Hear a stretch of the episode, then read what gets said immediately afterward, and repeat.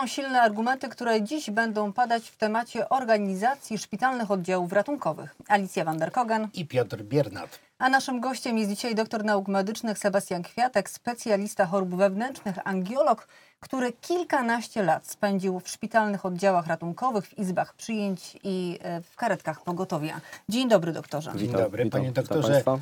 E, SORY to takie miejsce bardzo wrażliwe zarówno dla pacjentów, jak też i lekarzy. Co było w tej pracy dla pana najtrudniejsze? Praca na sorze jest, musimy zdać sobie sprawę z tego, bardzo pracą obciążającą, pod każdym względem w zasadzie. Bo ona jest obciążająca i pod względem mentalnym, psychicznym, intelektualnym, ale również i fizycznym.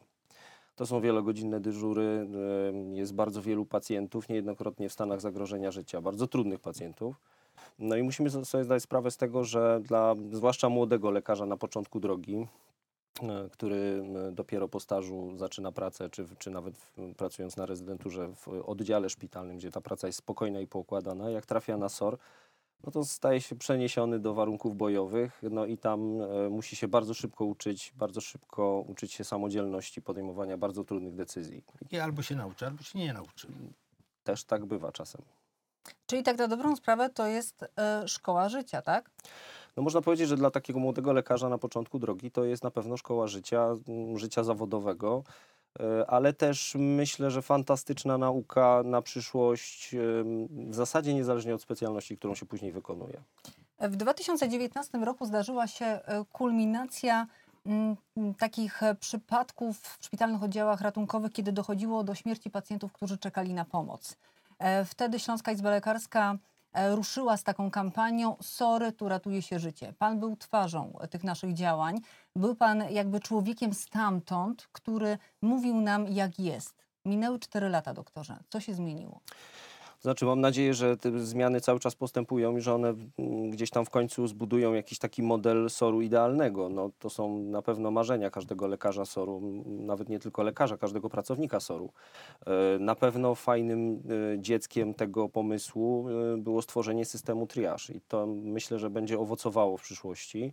Na efekty tych zmian będziemy musieli pewnie jeszcze poczekać. No, pod względem ilości pacjentów, którzy trafiają do SOR-u, no to tak naprawdę nie zmieniło się nic, ale ale myślę, że mm, te gruntowne zmiany no, muszą się zacząć od podstaw, żeby, e, żebyśmy doszli do takiego modelu właśnie idealnego SOR-u. Ja pamiętam, jak pan w polskim radiu mówił e, tu w Katowicach, że taki lekarz na sorze przyjmuje w ciągu 24 godzin 120 do 150 pacjentów. To przecież jakiś obłęd. Jak pan się czuł wtedy, kiedy wychodził z takiego oddziału? To znaczy, panie redaktorze, to jest kwestia y, y, współpracy ze całym zespołem, bo to, to, że jeden lekarz przyjmuje tych pacjentów, dokonuje tej wstępnej oceny, zleca badania, y, to jest jakby jedna część tej pracy, ale druga praca, druga część tej pracy to jest współpraca całego zespołu SOR-u i to są pielęgniarki i ratownicy, którzy są zaangażowani w pracę z każdym z tych pacjentów. Y, praca nad dokumentacją medyczną, której wcale nie ubywa, wręcz przeciwnie. Y, No i obciążenie dla całego szpitala, no bo ten, ten SOR jest jednym tylko organem tego całego organizmu. W związku z tym tak naprawdę ten, y, tych 120 pacjentów to obciąża potencjalnie cały szpital, wszystkie pracownie, y, kolegów specjalistów, którzy przychodzą na konsultacje. No, No tak, na, ta, tam to się rozkłada, ale na pierwszym froncie jest lekarz. na no. pierwszym froncie jest lekarz, pielęgniarki, ratownicy, którzy I jak pan patrzy na taką pracę teraz w tej perspektywie dzisiejszej? Y, Z tej perspektywy to jest y, praca, p- praca w szaleńczym tempie, to jest praca o, o ogromnej odpowiedzialności, y, niezwykle stresująca mm, i wymagająca ogromnej elastyczności. A wspomniał Pan o triażu, czyli o e, segregacji e, medycznej. Jest tak, że przychodzimy na SOR, e, rozmawiamy z pielęgniarką bądź ratownikiem medycznym. Oni e, przydzielają nas do konkretnego koloru. Dostajemy bransoletkę Tak. albo czerwoną, więc wtedy natychmiast jest nam udzielana pomoc, albo niebieską i wtedy powinniśmy na tą pomoc czekać do 4 godzin. Z reguły czekamy dłużej. tak. I Jakie ten triaż budzi emocje? Bo e, tutaj powiedział Pan, że on zrobił dobrą robotę, tak? Ale To znaczy, triaż zrobił bardzo dobrą robotę w czasie pandemii COVID-19. No Akurat miałem okazję pracować też i na SOR-ze, i, i w oddziale covidowym. Y, I on pokazał, y, że w zasadzie wtedy on był nieodzowny. W takich warunkach y, bojowych on był nieodzowny. Ale też wtedy nikt nie dyskutował. Wtedy nikt nie dyskutował, No no mieliśmy warunki szczególne. E, No w tej chwili ta sytuacja jest o tyle trudniejsza, że no pacjenci czasami no różnie, to, różnie do tego podchodzą, tak? no bo mm, no jest taka mo- może zwyczajna zazdrość o tą chęć uzyskania szybciej pomocy, szybciej opieki. Co trzeba zrobić, żeby ludzie przestali traktować SOR jako przychodnie, czy jako taki szybki właśnie punkt opieki? Przede Omijając wszystkie te inne mechanizmy, które istnieją. przecież. Myślę, że z tym zjawiskiem y, tak do końca sobie nie damy rady nigdy, bo mm, myślę, że pacjent zawsze ma przeświadczenie, że on jest ciężko chory i on musi być e, przyjęty od razu. Y, Szpital jest miejscem, które jest do tego stworzone, żeby przyjąć tego pacjenta. Y, My z wielu powodów nie możemy odmówić tej pomocy. W związku z tym myślę, że to jest jeden z najtrudniejszych problemów do rozwiązania. Myślę, że to jest kwestia po prostu wieloletniego edukowania społeczeństwa i, i właśnie takich akcji medialnych, mówienia pacjentom, y, czym jest SOR, y, jakie są jego zadania y, i jakie są zadania oczywiście poradni. A teraz ten pomysł ministerialny, żeby przy każdym sorze była nocna i świąteczna pomoc lekarska. Czy to się sprawdzi? Czy to jest dobry trop? Bo w sumie przy większości sorów takie miejsca działają. Ja pracowałem przez y, kilka lat na taksorze dużego szpitala y, w województwie śląskim, który, gdzie naprzeciwko drzwi w drzwi był, była poradnia POZ. E, I szczerze mówiąc, mam, każdy medal ma dwie strony. No z jednej strony e, rozwiązanie wydaje się o tyle trudne, że wtedy wiemy, że jest pewna łatwość w przekazywaniu pacjentów pomiędzy POZ-em i, i SOR-em i wszyscy ci pacjenci, którzy przyjdą do POZ-u mogą potencjalnie trafić na ten SOR. E, Niemniej jednak druga strona medalu jest taka, że daje to możliwość też przedyskutowania wielu problemów z lekarzem SOR-u, tak? bo mamy pewną bliskość taką, e, że możemy... w- O ile będziecie mieli czas. Możemy dyskutować na temat tego pacjenta, o ile będzie oczywiście czas, natomiast ym, zawsze pozwala na spojrzenie troszeczkę z innej strony na tego pacjenta, tak? z, z tych dwóch stron, które gdzieś tam potencjalnie od tego pacjenta będą, próbować, będą się zajmować tym pacjentem. Ym, czy to zmniejszy liczbę pacjentów na SOR-ze, czy to odbarczy SOR? Trudno powiedzieć. Ja tego nie zauważyłem, żeby tych pacjentów na SOR-ze było mniej. Natomiast myślę, że wszystko y, wynika też z takiej po prostu czystej, y, dobrej chęci współpracy między lekarzem POZ-u i, i lekarzem SOR-u. Jeżeli ta chęć współpracy będzie, to będzie się to układało dobrze i każdy problem da się rozwiązać. No, podstawą jest dobry, dobrze funkcjonujący zespół. Y, Natomiast jeżeli będzie to polegało tylko na tym, że y, ten lekarz POZ będzie tylko wystawiał skierowanie do izby przyjęć y, i każdego pacjenta przekieruje, no to niestety obawiam się, że będziemy mieli problemy. tych ministerialnych pomysłów na to, jak polepszyć sytuację SOR-ów było już bardzo, bardzo dużo. Już w 2019 roku zaczęto coś kombinować i obiecywać, że a to wprowadzimy rejestrację, a to wprowadzimy skierowania, potem rezygnowano z tych skierowań na SOR i tak dalej, i tak dalej. E, Dziś znów dużo obietnic, nawet mówi się o olbrzymich pieniądzach, 750 50 milionów milionów złotych. złotych, które mają dofinansować e, te oddziały. Mm, No ale to ja jakoś nie widzę w pańskich słowach, nie słyszę w pańskich słowach optymizmu. To dla jednej placówki e, dofinansowanie może być e, w wysokości bodajże 15 milionów złotych. Czy realnie te 15 milionów złotych może coś zmienić w jakości e, świadczonych usług? Jakoś pan nie jest takim optymistą. To znaczy, może nie, to nie jest tak, że nie jestem optymistą, natomiast em, myślę, że problemów związanych ze szpitalnymi oddziałami ratunkowymi jest tyle, że tak naprawdę u, a u podstawy tych problemów leżą braki kadrowe. W tej chwili borykamy się w, z ogromnymi brakami kadrowymi, jeśli chodzi o pielęgniarki. Y, Jest ogromna luka pokoleniowa w tym zawodzie. Y, Starsze pielęgniarki osiągają wiek emerytalny, odchodzą na emerytury. Młode dziewczyny pielęgniarki y, kształcą się, studiują, no też mają do tego prawo, jak najbardziej powinny się kształcić, rozwijać, ale one też nie tak szybko podejmują pracę w zawodzie. Y, W związku z powyższym jest luka pokoleniowa. Starsze pielęgniarki nie, nie mają tego czasu na to, żeby wykształcić te młode. Y, Po fali COVID-a mieliśmy y, ogromną falę odejść z zawodu, zarówno pielęgniarek, zdarzało się też wśród lekarzy.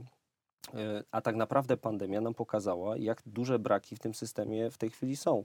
I dofinansowywanie oczywiście SOR-ów, sprzęt, y, mm, jakieś dodatkowe urządzenia diagnostyczne, czy, czy choćby remont tych SOR-ów, to jest oczywiście jak najbardziej pożądane, ale problem leży u podstaw, a te, tą podstawą są kadry. To co zrobić, żeby tych lekarzy było więcej? To pytanie możemy zadać podczas każdej naszej rozmowy. Ma pan pomysł? T- Problem, czy lekarzy, czy żeby było więcej, to lekarze mm, kształcą uczelnie mm, na pewnym tam konkretnym poziomie. Tych uczelni medycznych jest coraz więcej e, kształcących lekarzy. Mm, Natomiast tylko niewielka część tych lekarzy chce pracować i podejmować taką pracę na sorze czy w karetce pogotowia. Mm, No tutaj e, na to za bardzo nie mamy wpływu. To może tą pracę na sorze jakoś inaczej e, zorganizować. Jeśli te kadry napłyną, to może te obowiązki trzeba jakoś podzielić, może zmniejszyć biurokrację, żeby te osoby chciały jednak w tym miejscu pracować. Żeby, panie doktorze, to nie była praca za karę. Bo trochę tak jest. To ja nie traktowałem tego nigdy jako pracę za karę. To mm, na etapie mojej, powiedzmy, młodości zawodowej to, był, e, to była bardzo fantastyczna przygoda. Ja trafiłem na fantastyczne zespoły, od których się bardzo wiele nauczyłem. I muszę powiedzieć, że sytuacja, w której się znalazłem na przykład w trakcie pandemii, to była sytuacja, e, gdzie skorzystałem całe mnóstwo z tej nauki, którą wyniosłem właśnie w pracy na sorze ze stanami zagrożenia życia. Natomiast y, y, co zrobić, żeby było więcej tych lekarzy, żeby ich zachęcić? No ja myślę, że przede wszystkim, jeżeli ktoś chce podejmować specjalizację z zakresu chorób wewnętrznych, chirurgii, ortopedii, traumatologii, y, z, to myślę, że powinno się rozważyć wprowadzenie do programu specjalizacji obowiązkowych staży y, kierunkowych y, w ramach szpitalnego oddziału ratunkowego. Y, Prawda jest taka, że też no, młodzi lekarze no, może mają w tej chwili już też takie spojrzenie, że może nie do końca życia chcą pracować po 24 godziny w takich warunkach albo jeździć karetką. Y, W związku z powyższym y, wybierają specjalizacje, które pozwalają im osiągnąć jakiś tam status y, życia prywatnego, też czasu na, na, na odpoczynek, na regenerację. Powiedzmy wprost, tak jak pan, czasami trzeba uciec z tej pracy. Panie doktorze, nazywają rzeczy po imieniu, natomiast powiedzmy, pan mówił, że dużo się nauczył, a tak konkretnie z dzisiejszej perspektywy, kiedy jest pan uznanym e, lekarzem, e, nagradzanym lekarzem wielokrotnie, y, czego konkretnie nauczył się pan w tej medycynie ratunkowej? Czego ona jest źródłem? To jest przede wszystkim nauka odpowiedzialności, odpowiedzialności za siebie i za zespół. Ym, Szczególnie ratownictwo medyczne jest taką częścią, która uczy odpowiedzialności za siebie, za zespół, za, za pacjenta oczywiście też. y, Natomiast y, też ciągłego samokształcenia, wyciągania wniosków ze swoich decyzji. Y, Uczy niesamowitej pokory. E, Musimy zdawać sobie sprawę z tego, że pacjent trafiający na SOR to jest pacjent, który w każdym momencie, w każdej chwili jego stan może ulec nagłej zmianie i jesteśmy zmuszeni do natychmiastowego działania. Uczy niesamowitej elastyczności. E, Natomiast e, myślę sobie, że e, no, życzyłbym każdemu młodemu lekarzowi, który chciałby zostać kiedyś internistą, czy dobrym chirurgiem, czy, czy ortopedą, traumatologiem w tych specjalnościach, które poruszają się gdzieś w tym polu zakresu medycyny ratunkowej. Życzyłbym, żeby miał takich nauczycieli, jakich ja miałem, pielęgniarki, ratowników, kolegów lekarzy, którzy wykazują się ogromną cierpliwością i rzeczywiście przekazują całe to swoje doświadczenie, bo to jest, y, to jest nauka na zawsze. To zostanie do końca drogi zawodowej.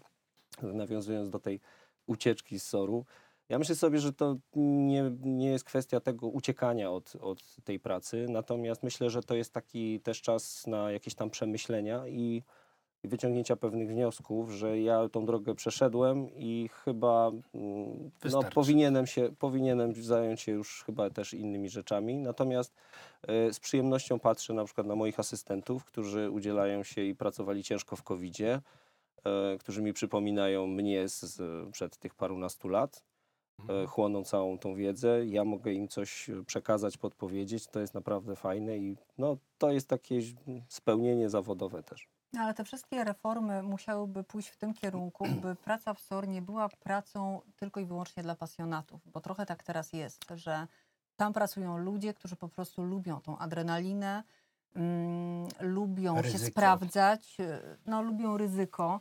e, I to są wspaniali pracownicy, no ale mm, chyba jednak należałoby coś zmienić, żeby nie tylko takie osoby mogły tam pracować. Myślę, że tak. To jest tyle tych problemów, y, które też gdzieś tam od, od, y, odsuwają ludzi młodych od, od, od sortu. No, kwestia odpowiedzialności, ogromnej odpowiedzialności, odpowiedzialności karnej, cywilnej, która potencjalnie za, y, za błędy lekarskie gdzieś, gdzieś tam wisi nad nami.